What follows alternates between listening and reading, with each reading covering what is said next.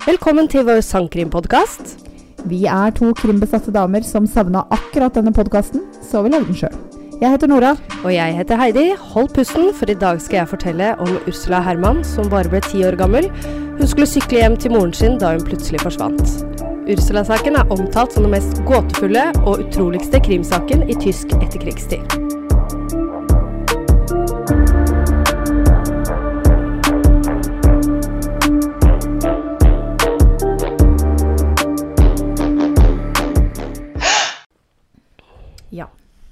Velkommen tilbake alle sammen. Da er vi i gang igjen etter litt host og hark og Veldig, veldig bra for øvrig. Én en dag på etterskudd. Det er søndag. Vi skal ta opp og redigere og slippe episoden i dag.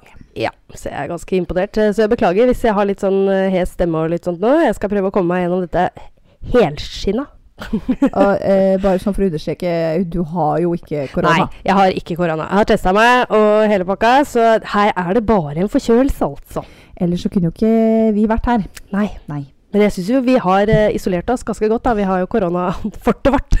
Ja, eh, takket være tilbakemeldinger på eh, Facebook og mm, mange instanser egentlig, så har vi nå nå har vi ikke lenger øyekontakt. Eh, fordi støyskjermene våre kom jo ikke, så vi har barrikadert opp disse mikkene med puter for å unngå så mye ekko i rommet. ja, Og så er vi jo også i et annet rom. det er vi òg. Ny leilighet òg. Det er vi òg. Ja. det blir engangstilfelle mest sannsynligvis, men uh, jeg syns det ble bedre, altså. Ja. Ja. Putefort kan være lurt. Putefort. Det er Ja. litt hyggelig. Det er litt barndommen tilbake i tid. Det er veldig gøy å lese kommentarene deres. Eh, jeg ser jo, Vi så jo det at uh, Tove Merete, Hans Trygve og Sjanna var helt enige at Zack var et rasshøl. Ja. Det, det tror jeg de fleste syns. Ja. Ja, absolutt. Carl også, som er en kollega av oss, han har gitt oss mye gode tilbakemeldinger og innspill i både hvordan vi kan få hjelp med lyd og forbedre oss. Så det vil vi takke også for. For ikke å snakke om også Jørgen, eh, produsentkompisen min. er så kjekt å ha sånne venner. Ja. Som eh, jeg, vi snakka med senest i stad på FaceTime. Eh, for det, vi skjønner jo ikke hva vi driver med. Og han eh, veit jo litt grann mer om knotter og hva pokker er diskant og Ja. Takk, Jørgen. Ja, og deg Nora, for at du gidder å sette deg inn i det her. Jeg eh, egentlig bare gjør researchen min, jeg skriver en story, og så fikser Nora resten. Ja. Eh, jeg prøver. Jeg har fortsatt alt håret mitt, men jeg har rivet litt i det. Ja, det tror jeg på. Men du har jo gjort research til i dag, Heidi. Det har jeg, og i dag så skal vi ta opp en spennende historie. Den er ganske omfattende, og den er også ganske grotesk. Jeg, jeg fant den her faktisk på VG. Jeg scroller jo innom VG hver dag. Yes. Og da Jeg har jo ikke VG pluss. Og den saken her fant jeg på VG pluss. Så tenkte jeg nei, den vil jeg gjøre. Te- Tegna du et abonnement for å gjøre research? Absolutt ikke. Jeg bare Jeg begynte med Google, Ja, ok, ok, ok. ok. og endte med YouTube og. Wikipedia. Så Nå tenkte jeg, nå må jo for faen VG komme på banen her og gi oss Ja. noe abonnement i det minste. det syns jeg. Eh, Det koster ikke men all verden. Men der var jeg sær. Jeg Ja. bare nei. Der var du snål. Klarer å finne det sjøl. Gjerrig faen. ja, ja. Ja ja. Så i dag så skal vi ta for oss da Ursula Herman, som eh, den 15. september 1981 forsvinner plutselig fra en idyllisk landsby som heter Eking. Og jeg beklager nå eh, på forhånd min eh, tysk. Eh, jeg er Jeg tok tysk på ungdomsskolen, men jeg skal ikke skryte på meg der. Veit ikke det- om jeg hadde nevnt det nå, liksom. Nei, jeg, jeg, tok, jeg hoppa litt.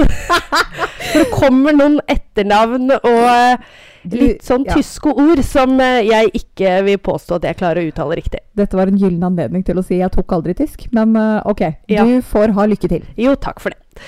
Eking da har bare 1000 innbyggere og ligger ca. 45 minutter unna München.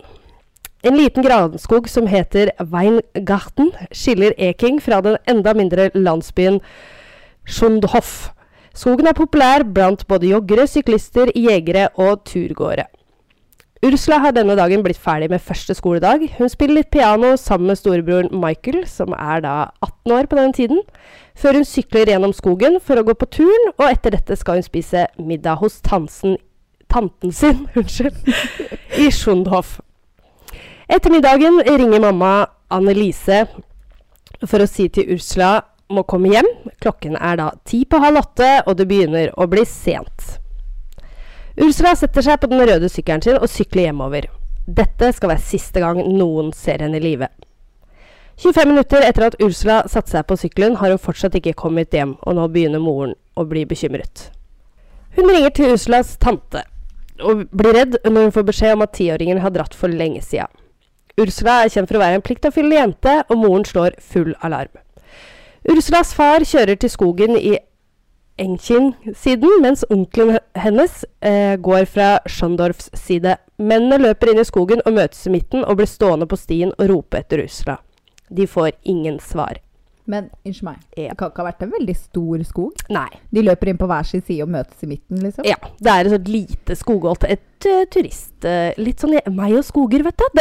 Ja, det, jeg får gåsehud på ryggen, ja. ja, det er uh, Nei, som sagt, jeg har bare sett kart over det her, og det Ja. er ikke store greiene, altså. Creepy.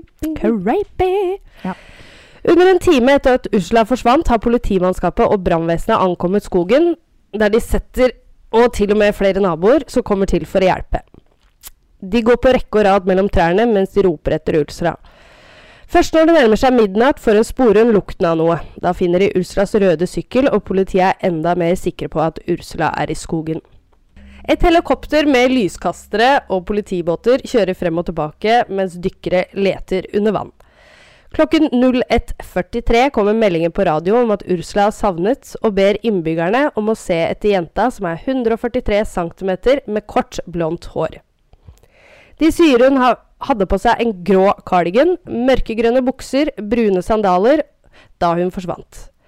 Annelise og Michael, det vil også si faren heter Michael, og det samme gjør sønnen.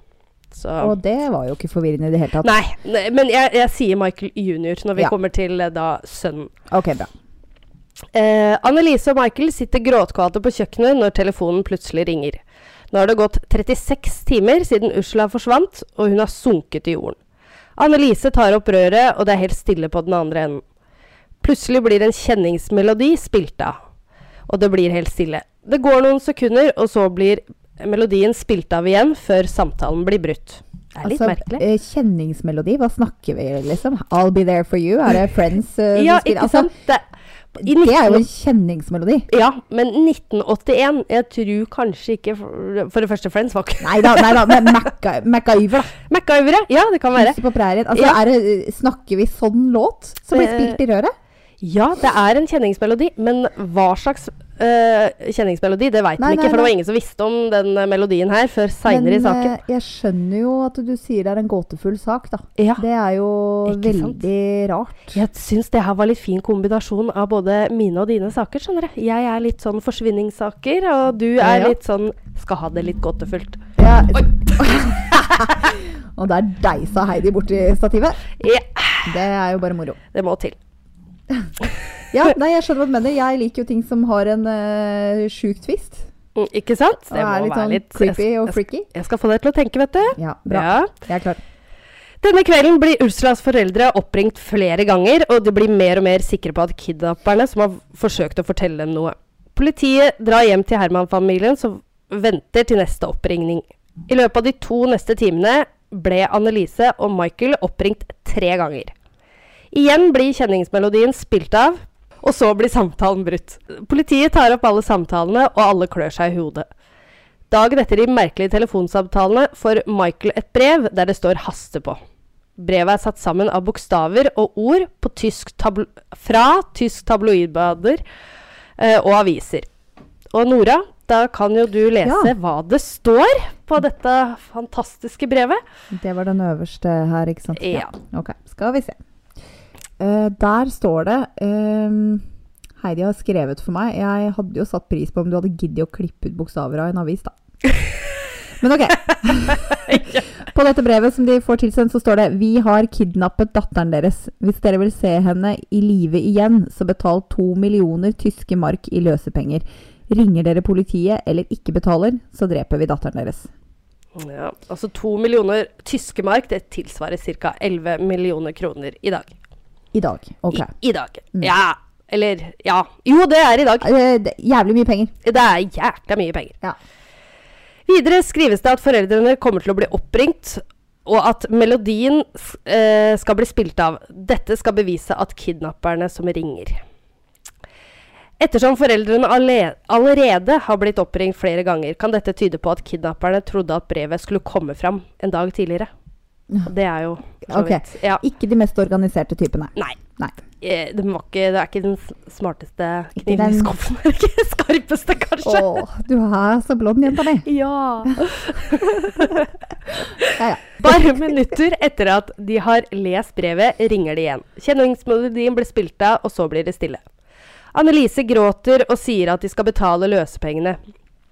Dette sier hun til tross for at familien aldri har hatt penger. Jepp. Hun spør om navnet på Ursulas to favorittbamser i håp om å få bevis om at datteren er i live, men får ikke svar. Så blir samtalen brutt.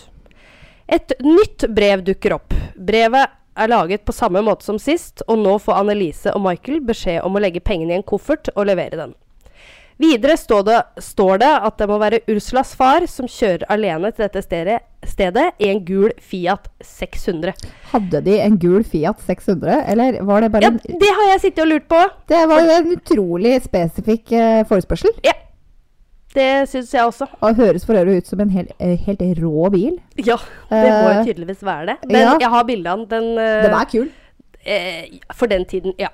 Elsker Ja, sånne gamle Fiater. sånn, Fiater. jeg føler litt sånn, litt sånn kombi. Sånn der liten snerten som Ja. du bare kan uh, woho! Jeg hadde en sånn ny, eh, ny Fiat 500. Ja. Den var jo dritkul, men det er jo enda kulere når de er retro. Ja, ikke sant? Åh, det var awesome. Vi skulle kanskje ikke snakke om bil, men Nei, uh, ok. Gul. Fiat. Gul Fiat 600. Oh, yeah. yeah. Annelise er hjemmeværende mens Michael jobber som lærer. De har fire barn og brødfø og aner ikke hvordan de skal få råd til å betale løsepengene. Den eneste grunnen til at de i det hele tatt kunne bygge hus i Enching, var at Ursulas oldefar for lenge siden kjøpte et beitemark der de kunne bosette seg på. En nabo og familievenn tilbyr de å betale deler av løsepengene, mens myndighetene går med på å betale resten. Nå gjenstår det bare å få et nytt brev eh, som forteller dem hvor koffertene skal leveres, men det kommer ikke flere brev. I etterkant skal det vise seg at kidnapperne har gjort en stor tabbe. Og det er derfor de måtte avbryte kontakten med Ursulas foreldre. Politiet bestemmer seg for å gjøre et nytt søk i skogen, og med seg har de ti sporhunder som på fire-fem dager skal finkjemme området. På den fjerde dagen eh, stusser en politimann om hvorfor det står fire nyplantede grantrær midt i en? Avsidelsliggende del av skogen. Ja, nå ble du spent. Ja, ja. jeg skjønte ikke helt egentlig hvorfor de skulle leite i skogen. For jeg tenkte hvis du er kidnappa, så er du jo tatt vekk derfra. Det Ja. var bare der de trodde kanskje du hadde gått seg bort. Men eh, eh, fire nye nyplanta trær i en skau. Mm, og litt sånn allsidesliggende også. Da begynner du å susse litt. Ok. Han går fort for å, bort for å se nærmere og dunker med en spade ned i jorda. Spaden støter mot noe hardt. Nei. Nei, ikke sant? Nei. Han graver forgjeves og finner en blå luke med syv boltelåser på. Nei. Og her kommer det til å bli ganske grotesk, dere. Jeg kjente at den Det satt langt inne å lese det her, så for de av dere som har litt sarte ører, så skru av podkasten litt. Nei, ikke skru av, da, men spol litt. Ja. I en kasse som er gravd ned i skogbunnen, ser politibetjent Ursula sitte på en krakk. Det ser ut som hun sover. En kollega kommer løpende til, og han reagerer spontant med å dra henne opp. Kroppen er kald, og det er ingen tvil oh, om at hun er død. Å nei. To etterforskere blir sendt hjem til Annelise og Michael for å gi dem, en, gi dem den forferdelige beskjeden. Annelise blir helt stille når hun får høre at Ursula er død, og Michael reagerer med sinne og vil ha svar på om Ursula hadde hatt det vondt før hun døde. Politibetjentene rister på huet. Det var ingen tegn til kamp eller bevegelse i kassen. Etterforskerne tror at Ursula ble dopet ned før hun ble senket ned i den, og at hun deretter sovnet stille inn pga. surstoffmangel. Åstedsekspertene tar seg ned i kassen, som er omtrent 140 cm høy. Eh, like under luken står det en krakk med en bøtte under, som Nei. trolig skulle brukes som toalett. Det finnes flere ting som tyder på at kidnapperne ønsket å holde Ursula i live frem til de fikk løsepenger. En joggedress i barnestørrelse, tolv brusbokser, tre flasker vann, seks sjokoladeplater, fire kjekspakker og ty to tyggegummipakker. Alt det barn trenger. Ja, ikke sant? De finner også en pose med 21 bøker og blader, i tillegg til ei lyspære som er koblet til et bilbatteri. I hjørnet står en radio som er stilt inn på radiostasjonen Bayern 3, som er den samme radiokanalen som kjenningsmelodien Ursulas foreldre ble oppringt med. Aha. Ok. På toppen av kassen er det laget et slags ventilasjonssystem av hvite avløpsrør som er blitt teipet sammen og stukket hull i. Funka jævlig bra. Mhm. Det kan se ut som om kidnapperen gjorde en stor tabbe da de bygde ventilasjonssystemet. Selv om røret stakk opp fra bakken, er det blitt dekket til av våte løvblader, og det er heller ingen vifte som sørger for at oksygenet kommer ned i kassen. Politiet mener det er komplett umulig for en person å ha baret, båret eller slept kassen inn i skogen. Etterforskerne er dessuten sikre på at det er snakk om lokale gjerningspersoner, siden kassen ble gravd ned på et så avsidesliggende sted, uh, og ikke den travligste delen av skogen. Ok. Men jeg bare tenker, har de slept den kassa dit, eller er det bare sånn derre Ja, ikke sant? Jeg bare tenker at eh, det er sånne kidnappere som bare Ja, men dette kan vi jo gjøre et par ganger. Og så bare har de gravd ned en kasse, og så bare har de den der. Jeg tror dette her må ha gått over jævlig lang tid Ja, og jeg planlagt. ja. Altså, hvordan De har jo ikke gjort det nå. Nei! Nå har de jo tatt ungen, men kassa må jo på en måte ha vært der. Ja, ja, ja. Og dette må jo ha vært Ja, som sagt, det å grave et så svært hull Altså 140 cm, det er ganske høyt, altså! Det er det. Og så skal du grave i sånn der jord... Sånn. Det er jo Ja, det, så hardt. ja fy faen. Selv om det er på et og torv og måsa Nei. Ja, tenk så mye stein og sikkert Ja. litt fjell og Nei, nå veit ikke jeg. Det er kanskje bare Norge som har mest mulig Ja, av nå er vi veldig norgesentriske, men ja ja. Uff a meg. Vi er i hvert fall i Europa denne gangen. Vi er i Europa. Innbyggerne er livredde, som nå har blitt fortalt at eh, personen som kidnappet Ursula, høyst sannsynlig er en av dem. Dagens, dagen Ursula skal begraves, stiller pressen opp i hopetall utenfor kirken og stiller nå nærgående spørsmål til de sørgende. Oppmerksomheten blir såpass stor at Ursulas storebror, Michael, som er en stille gutt, slår kameraet til en av fotografene ned i bakken før han går inn i kirken. Ganske forståelig, spør du meg. Eh, ja. Mens Ursulas etterlatte sørger, jobber politiet på spreng for å finne gjerningspersonen. Nå som hele Tyskland følger med på saken, har de stort press på seg. Politiet annonserer med at de kommer til å gi 30 000 tyske mark til den som klarer å gi noe svar. Tipsene renner inn, og en av innringerne sier at de mistenker en som heter Werner Masurek. Han er 31 år. Bråkebøtta Werner, jeg kaller han det, for jeg klarer ikke å uttale helt etternavnet hans rett, som har ølmage, briller og skjegg, bor bare noen hundre meter unna Herman-familien. Han er gift, eh, tobarnsfar, eh, som en gang prøvde å utdanne seg som bilmekaniker, men droppet ut av skolen da han var 15 år. Nå er han arbeidsløs og nedtygd i gjeld, og tjener noen få kroner her og der på å repa reparere TV-er. ja. Ja. Han har eh, alt på stell. Alt på stell, vet du. Like etter, etter at Ursula forsvant, hadde politiet spurt Werner hva han hadde gjort i det aktuelle tidsrommet, men da fortalte han at han ikke husket. Først 24 timer seinere ringte politiet for å informere dem om at han i det aktuelle tidsrommet Herregud. I det aktuelle tidsrommet. Takk for det. Spilte brettspillet Risk sammen med kona og to venner hjemme. Ja, uh, ok. Jeg, jeg husker ikke helt hva jeg gjorde da.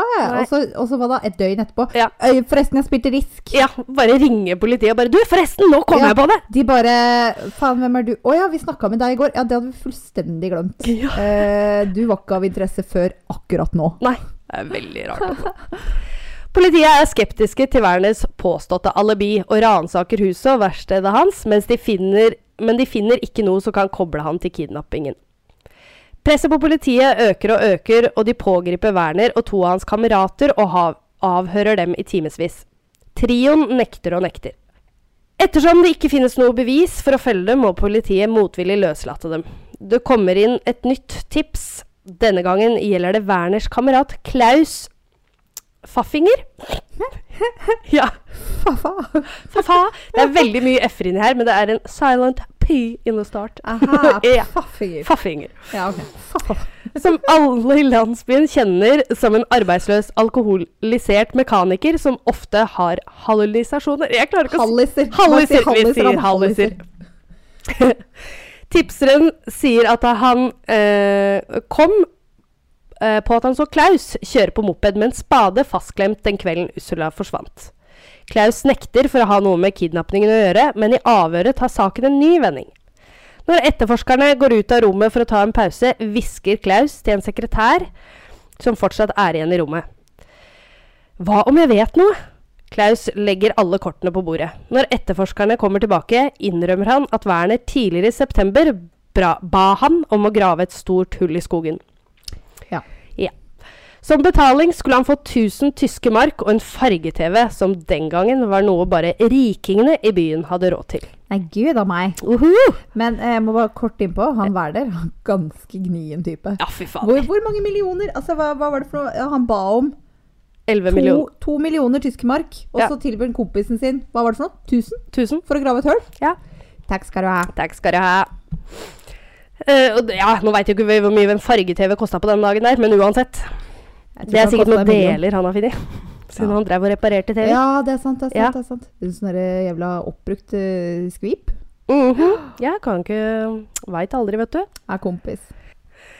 Senere så jeg at kassen ble satt ned i hullet, sier han. Når etterforskerne går ut av avhørsrommet, jubler de, men lykken var, blir kortvarig. Etter avhøret skriver ikke politiet en avhørsprotokoll som må signeres av Klaus. Dette kommer de til å angre bittert på. De tar ham med seg til skogen og ber han om å sk- beskrive åstedet. I detaljer forteller han hvordan trærne rundt hullet så ut, hvor stort hullet var, og hvor konsistensen på leiren han gravde var i. Eller hvordan konsistensen på leiren var, da. Litt ok. lettere å si det sånn. Ja. Ja. Alt stemte, og politiet er sikre på at han snakker sant. Men når de ber han om å vise hvor hullet var, blir Klaus stresset, og han tar det med til et helt annet sted i skogen. Bare tre timer etter tilståelsen trekker han dem tilbake. Det jeg sa var ikke sant, sier han, og sier at Werner bare lånte han en spade.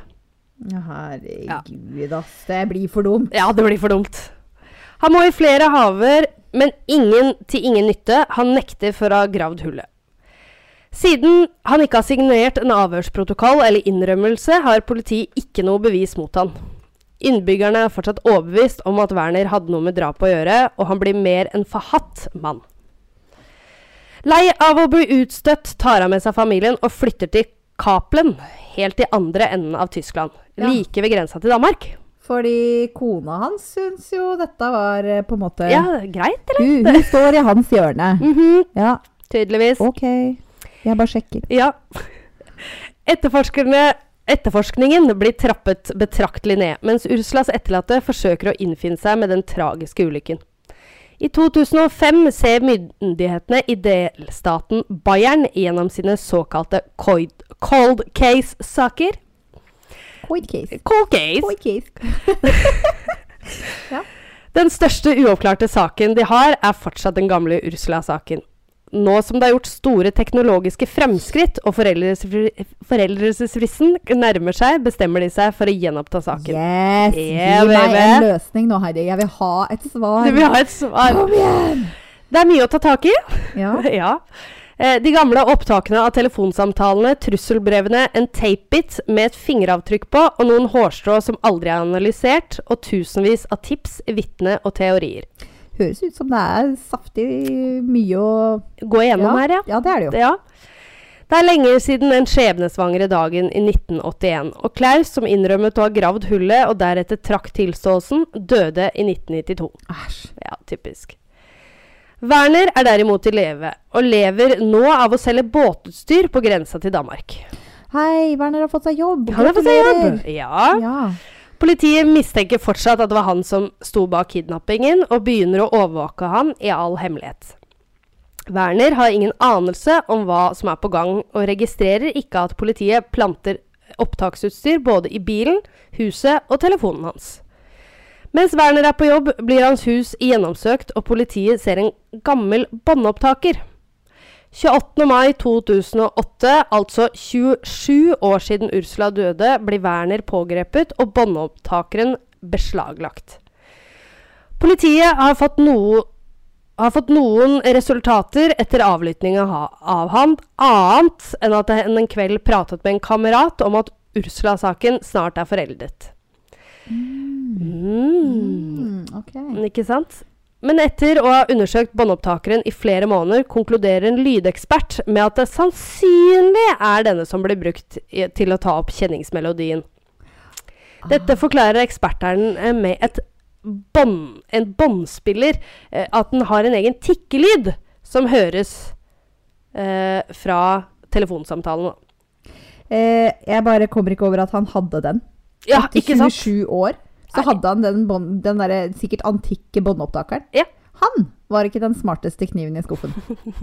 Der sa du det riktig. Ja. Jeg gjorde det. Ja, det gjorde det.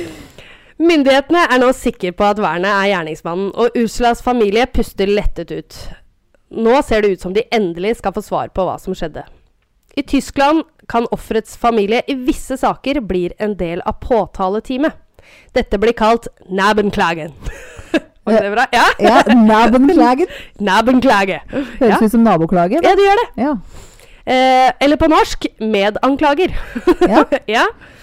Ordningen skal beskytte ofrene med at den gir dem flere rettigheter som kunne eh, som kunne være til stede under hovedforhandlingene, og selv innkalle vitne og stille spørsmål til den tiltalte. Jøss. Ja. Hvorfor drepte du dattera mi? Det, liksom, det må jo være noe helt Det må være psyko sjukt å være i den rettssalen. da. Ja, ja, ja. ja.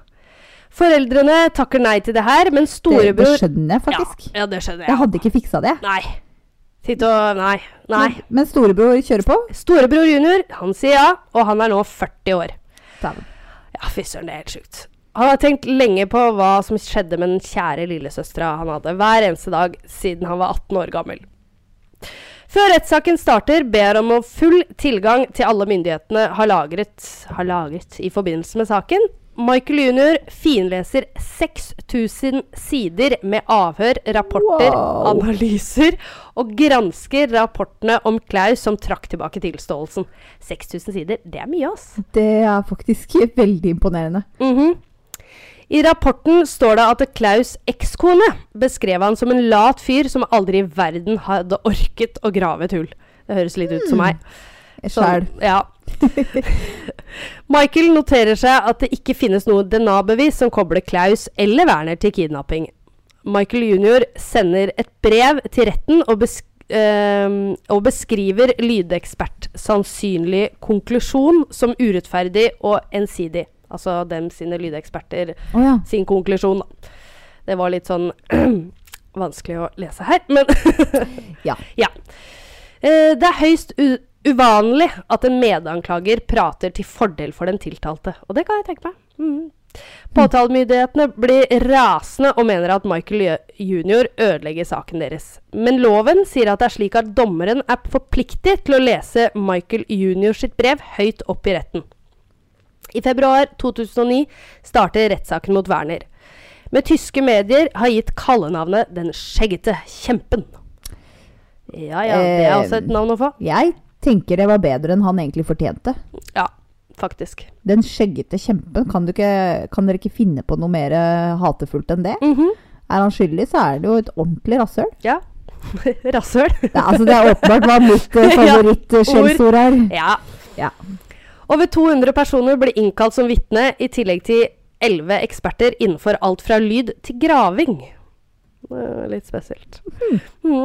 Hva er jobben din, da? Nei, jeg, jeg er graveekspert. Ja, her kan vi se at spaden har gått ned fra en vinkel i 30 grader. Spade, spadebladet er uh, ca. 30 cm bredt. Ja. Ja. ja, usj. Det, det var stygt å le av det. Det er sikkert Nei, noen som jo, har utdanna ja. seg til å bli eksperter i graving. Ja, det, Ja. jeg, altså, eh, det er, kanskje det er min neste karriere? Ja, hvem veit? Herregud, tjener Jeg jeg godt på det, så kan jeg godt gjøre det. Jeg har ikke peiling. Werner, som nå er 59 år gammel, uh, har også en forsvarstale. Og Nora, den har jeg sendt til deg. Oi, dæven. Ja, Er det det jeg har fått her? det er det jeg har fått, du. Ja, ok, spennende. Ehm, Ehm, wow. Ok, jeg vet uh, Jeg vet jeg ikke var en god medborger, og at jeg noen ganger var uhøflig. Og vi kommer til å se mange forsøk på å portrettere meg som en dårlig person her i retten. Men jeg har ikke noe å gjøre med saken. Mhm. Det var hans forsvarstall også. Er det det beste du har hørt? Absolutt ikke. Nei. Så nei. Det, det, det, er, det her går bare skrape litt på overflaten. Litt sånn Jeg, jeg er ikke et godt menneske, altså, men eh, så dårlig er jeg ikke. Nei. Nei. Båndopptakeren blir et stort tema. Jeg kjøpte dem på et loppemarked bare noen dager før politiet gjennomsøkte huset mitt, påstår Werner. Saklig. Mhm. Han sier at han ikke aner hvem han kjøpte den av. Ingen av selgerne på loppemarkedet den aktuelle dagen husker å ha solgt en båndopptaker. I retten påstår aktor at Werner hadde motiv for å kidnappe Ursula og kreve løsepenger fra foreldrene hennes. Han hadde stor gjeld og skyldte penger mange steder. Og han i full stand til å lage kassen, siden han hadde et eget verksted. Til tross for at det ikke finnes et eneste fysisk bevis mot han, er dommen ikke i tvil. Det er Werner som er gjerningsmannen. Oi. Vi har ingen tilståelse og ikke DNA-spor, men vi har sammensatt bevismateriale basert på indisier, sier statsadvokaten før dommen faller. Yes. I mars 2010, altså 29 år etter at Ursula ble kidnappet, blir Werner dømt for, ut, mm, for utpressing med døden til følge. Han blir sendt rett i fengsel, mens Michael jr. stiller seg opp utenfor rettssalen og overrasker pressen. Nå har vi en dom, men ingen gjerningsmann, sier han. Eh, hæ? Ja, Var ikke det Werner? Uh, Nei, det var ikke Werner. Det er Michael Ju... Uh, Ja, men det er ikke han gjerningsmann? Hva er han mener? ja, han mener at det er han ikke, da. Nei, fordi at han ikke er dømt for mord. Han var dømt for hva da? Utpressing med Ja, døden nei, til følge? han mener at det, det fins så lite fysisk bevis. Mm. Og han tviler sterkt på at det er Werner som er denne mannen. Er Michael Ja. broren Ja, pro Werner? ja tydeligvis. Han er skjeggete kjempen? Mm. Men i alle Ja, dager. er. Ja. Men han er litt i tvil òg, da. Det skal sies. Ja, det er jo bra at måte de rette ansvarlige må stå til ansvar, men det var jo hissig å gå ut rett etter rettssaken og si nei, Ja, jeg tror ikke, Vi- ikke det var riktig, jeg. ja, vi har en dom, men ingen gjerningsmann, liksom. Det, Ja. ja. Ja. Som sagt, han er svært usikker på at Werner var personen som tok lillesøsteren hans. Jeg er ikke overbevist om at han er jeg er ikke overbevist om at han er skyldig, men jeg er heller ikke overbevist om at han er uskyldig, sier han. Fra fengselet sender Werner et brev til Michael jr., hvor han takker han for å ha stått på hans side. Nei, Ja, ikke sant? Dropp det. Mhm. Werner, eh, hold deg for god til å Nei, det Ja. liker jeg ikke. Nei, det er stygt. Det ble jeg dårlig av, Ja. faktisk. Ti år etter at dommen går Michael jr. til sivil søksmål mot Werner, og krever 20 000 euro i oppreisning etter å ha fått tinnitus. Æ? Øh, Vet du hva tinnitus er? Ja, er? det er sånn øresus! Helt riktig! Woohoo! Ti Ja. poeng meg, men unnskyld meg. Michael junior, aka storebror, mm. eh, saksøker Werner, ja. eh, som er eh, skjeggebass, eh, som han ikke var helt sikker på om var skyldig. Fordi Michael har fått tinnitus. Hva er Werner med det å gjøre? Nei, det Skal han bare bare få betale for det han kan betale for, liksom? Mm, Ja, han er egentlig ganske smart, skjønner du. Oh, ja. Det kommer til det. En smart kniv. Ja, jævlig smart. Han sier at det skyldes stresset rundt lillesøsterens død. For at retten skal kunne avgjøre dette, må saken igjen tas opp på nytt. Og det var det han egentlig ville. Mhm. Eh, Dette gjør at Werner får sjansen til å bevise sin uskyld ved et eventuelt gjenopptagelse. Rettsvesenet skjønner hva som er på gang, og de er ikke fornøyd med at de skjønner at Michael jr. hadde klekket ut en plan for å få saken gjenopptatt. Etter to runder i retten avgjør høyesteretten i München at Werner ikke kan klandres for Michaels øresus, uh, pga. at det har gått 40 år siden hendelsen. Med andre ord blir ikke kidnappingssaken gjenopptatt, og Michael jr. innser at det trolig var den siste sjansen han har til å få svar på hva som egentlig skjedde med lillesøsteren hans. Werner sitter fortsatt i fengsel, men har ikke gitt opp kampen om å renvaske navnet sitt. Han prøver å finne mannen som solgte ham båndopptakeren, for han er overbevist om at det kan få han løslatt. Ja, det er sikkert mye han kan bruke, tenker jeg, til sitt forsvar og sånn. Men Mm. akkurat den båndopptakeren, den syns jeg faktisk han skal ta med seg lenger ut på landet. Ja. Jeg kjøper det ikke. Nei. Og det var et loppemarked den dagen, Ja. og det, det sjokkerte meg dypt at han faktisk hadde såpass sinnstilstedeværelse til å Ja, jeg var og kjøpte den på loppis i går, liksom. Men det er ingen av selgerne som eh, husker å ha solgt det.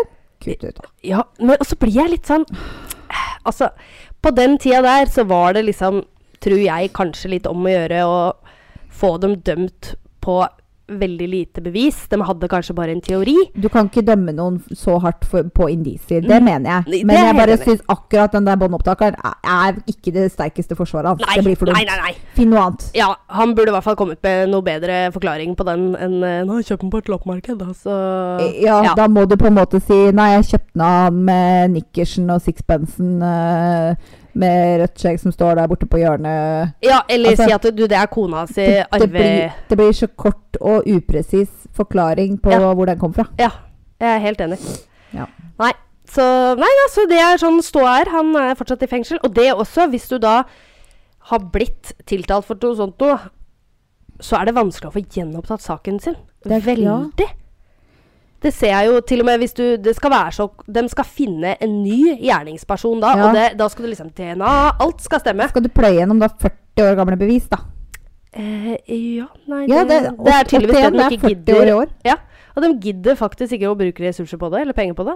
For nå kunne de sikkert ha testa både hår og alt mulig. Ja. Det hørtes jo ut som det var litt av liksom et uh, delikatessebord med egentlig beviser og avtrykk og hår og Ja. Nei, det er eh, vet du hva? Her kan vi uh, shout-out uh, til Netflix. Kan dere komme på banen og lage en dokumentarserie? ja. 'Making a Kidnapper'. Oh. Er det liksom Er det dags å skal, Skulle man tatt opp saken til uh, Werner? Det, ja, ikke sant? Det jo altså den Du så jo det, Heidi. 'Making a Murderer'. Ja. Ja. Det var jo Det er jo litt Det, sånn det er samme greia. Det er helt sjukt. Jeg var veldig usikker egentlig på hvilken side jeg sto på. Ja. Uh, og det er jeg når det gjelder Werner òg. Mhm. Jeg, jeg, jeg tror det er det er nok, Jeg mener det er størst sannsynlighet for at kanskje han har gjort det, da. Ja. Nå hører jeg jo først om dette i dag, og jeg kan ingenting mer enn akkurat det du har sagt. Nei? Men jeg tenker det er stor sannsynlighet for at eh, han er skyldig. Men Mm. du kan ikke dømme noen basert på indisier. Nei. Det er jo absurd. Du må du, eh, hva, hva er det det heter på eh, Hva er det de sier i USA? Guilty beyond reasonable doubt. Helt riktig. Du skal være skyldig på en måte eh, utenfor enhver eh, tvil, da. Ja. Det skal ikke Altså, Det skal ikke være noe rom for tvil. nei. Altså, alt skal Alle brikkene skal falle på plass, da. Ja.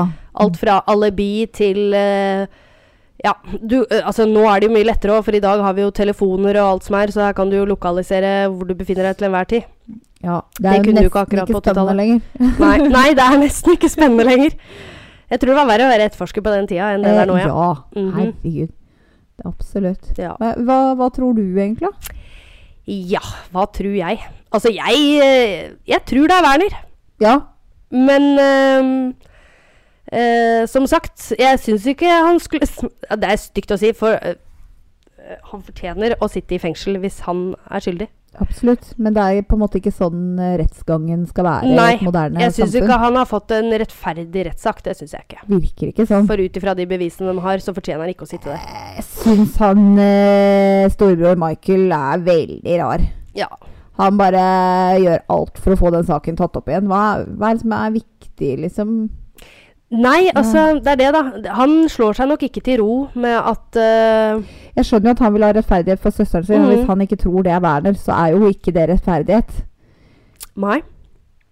Nei, det er, det, men Men- det er derfor er han sikkert men- prøver å få det gjenopptatt. Da, sånn Ja. at den faktisk Det er bare veldig spesielt. Det er veldig spesielt, ja. Jeg har aldri hørt om det før, faktisk. At uh, Altså, du Ja, selvfølgelig, du har jo sånne saker hvor da Som sagt, kona tror på mannen sin. Eller du tar Ja. familien din sin side og sånn, men her er det egentlig en, En Fremmed. en fremmed, ja. Men, på offeret sitt side, Ja. som tar sida til skurken. Det ja, men han føler jo at han står på sida til søstera si. Ja, Ja, selvfølgelig. Han vil bare ha svar. Ja, han vil komme til bunns i der, og det skjønner jeg. hadde det vært eh, forbi enhver rom for tvil, som det burde, skulle ha vært, Mm, som det burde vært, mm. Eh, så hadde det jo ikke vært noe spørsmål. Da hadde ikke Michael trengt å tenke noe mer på det. Men fordi det er rom for tvil, så kan han liksom ikke slå seg til ro med det, og det skjønner jeg jo. Skjønner jeg veldig godt. Ja. Nei, så det her er um, en spennende sak. Som sagt, jeg skal legge ut en del bilder både på Instagram og Facebook, så dere kan se både den flotte Fiaten Ja! Ja, Nå ja, ble ja. jeg gira. ja. Eh, og så får dere selvfølgelig se Werner og da Ursula. Og så har jeg også bilde av denne kassen. Og også en skisse, en tegning av hvordan jeg mente hun satt i denne kassa. Det er litt guffent. Men uh, som sagt, det er bare en tegning. Det er bare en tegning. Ja. Ok, bra. bra, bra, bra. Ja. Ja, Kjempeflott. eh, takk for uh, at dere er så tålmodige og Ja. lar oss få styre på uh, en dag ekstra for å få bringe denne episoden til dere. Mhm. Og da håper jo at dere fortsetter å høre på oss. Vi ser jo eh, statistikken som tikker inn på, um, på den eh, hosting-sida vår. Og ser jo eh, hvilke land dere kommer fra, og om dere er liksom flest gutter eller jenter, og hvor gamle dere er. Og det er veldig, veldig gøy å se. Veldig morsomt. Så bare fortsett å høre, og dere må fortsette å spre podkasten. Fortell eh, vennene deres om det, og alt mulig. Mm. Um, så, får, eh, så går statistikken opp, da, og da koser vi oss. Ja. Så følg oss på både Facebook på, og Instagram på Hold pusten pod. Og så ses vi om en uke. Yes. Yes. Takk for oss.